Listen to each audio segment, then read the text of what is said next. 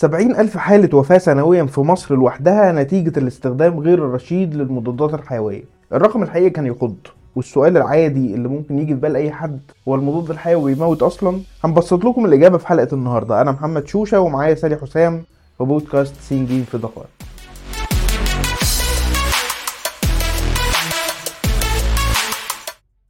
سالي من زمان وإحنا بنستخدم المضادات الحيوية يعني إيه إيه الجديد في الموضوع؟ إيه اللي استجد عشان نسمع إن الموضوع بقى خطر يعني؟ هي العشوائية بتلعب دور مهم لأن معظمنا بيستسهل المضاد الحيوي لو حسينا بأي تعب.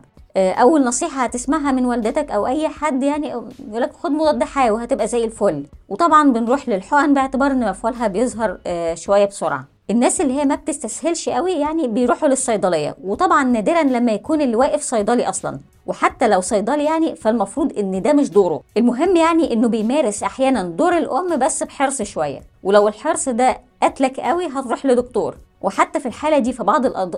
بعض الأطباء ممكن يوصفوا المضاد الحيوي بشكل غلط. يعني كل دول غلط وانت اللي صح يا سالي؟ بالراحة بس كده ونشوف الموضوع بيجي إزاي. المضاد الحيوي مش مصباح علاء الدين. هو بيعالج بشكل خاص حالات العدوى البكتيرية. فلا هينفع مع مرض مش معدي ولا هيمشي مع فيروسات ولا فطريات ولا حتى طفيليات. يعني مش هيعالج لا إنفلونزا ولا نزلة برد. دي معلومة يمكن بعض الأمهات ما كانوش عارفينها. لكن الدكاترة أكيد عارفين. نيجي بقى للدكاترة. في معلومة شائعة إن أي دواء مضاد للميكروبات بيكون فعال ضد أنواع مختلفة من الميكروبات. لكن الجديد بقى إن نتيجة ظروف كتير بعضها الاستخدام العشوائي للمضادات الحيوية فالميكروبات بتتطور باستمرار وبقت عندها قدرة على مقاومة الادويه اللي كانت في السابق ممكن ما تقفش قدامها. عشان كده بقى ضروري يتعمل اختبارات تحدد إيه المضاد الحيوي الفعال ضد كل ميكروب ولكل حالة بعينها يعني.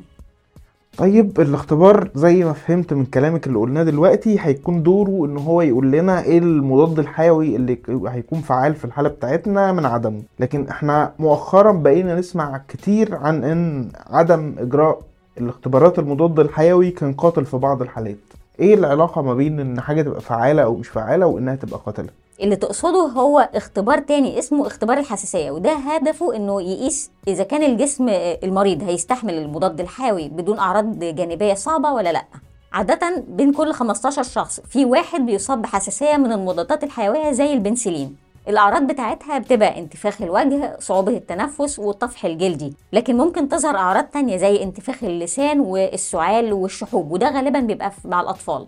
طيب إحنا فهمنا إن في حساسية وإن ليها أعراض بس كل الأعراض اللي قلتيها دي تقريبا ما يعني مش لدرجة الوفاة يعني. فإيه مبررات حالات الوفاة اللي سمعنا عنها مؤخرا؟ السبب هنا هو مشترك ما بين النقطتين اللي قلناهم. اللي هو الاستخدام العشوائي للمضادات الحيوية زائد الحساسية نفسها. بحسب تقديرات اتنشرت في زلانست عندنا تقريبا 5 مليون شخص ماتوا نتيجة عدوى بكتيرية مقاومة للمضادات الحيوية. منهم مليون وربع المليون شخص ماتوا كنتيجة مباشرة لمقاومة المضادات الحيوية. منهم بقى السبعين ألف اللي قلنا عليهم في الأول في مصر. الأرقام كمان بتزيد سنة بعد التانية وهي تخض لأنها أكبر من ضحايا الإيدز أو الملاريا فالموضوع مش بسيط أبدا يعني. طيب يعني طبعا نتمنى السلامة للجميع بس الموضوع ده حاجة بتحصل كده يعني أنت ونصيبك ولا نقدر نحدد إذا كان أنا أو الشخص اللي أعرفه يعني هو مرشح للإصابة بانعدامها هو المفروض إن الطبيب بيراجع مع المريض شوية معلومات تكشف له إذا كان عرضة للإصابة بحساسية الحقن ولا لأ أو كان عنده عوامل حساسية معروفة قبل كده منها إنه يكون عنده حساسية ضد القطط مثلا أو كان في حد في عيلته مصاب بالحساسية. وأخيرا نرجع للنقطة اللي قلناها فوق إذا كان الشخص ده بيستخدم المضادات الحيوية بشكل متكرر أو إنه بيصاب بأمراض لفترة طويلة فهيكون الجهاز المناعي بتاعه عنده حساسية عالية شوية. طيب هنفترض دلوقتي إن أنا مرشح للإصابة بحساسية من نوع المضاد الحيوي. كده المفروض إن أنا ماخدش مضاد حيوي خالص؟ لا مش كده. هو في اختبار بيتعمل بمعرفة الطبيب بيحدد إذا كان المضاد الحيوي مناسب للمريض ولا لأ. بيحقن تحت الجلد كمية مخففة من المضاد الحيوي وبعدين يستنى يشوف رد الفعل بتاع الجلد في أول 15 أو 20 دقيقة لو مفيش احمرار أو تصلب في مكان الحقن أو شعور بالحكة بيبقى تمام. آه في تفاصيل تانية الدكتور ممكن يرصدها ويحددها على أساسها المريض ياخد الجرعة ولا لأ. طبعا محتاجين ناخد بالنا من الموضوع ده وهنا بتكون انتهت حلقتنا النهارده. كان معاكم محمد شوشة وسالي حسام في بودكاست سين جيم في دقائق. استنونا الحلقة الجاية من بودكاست سين جيم في دقائق.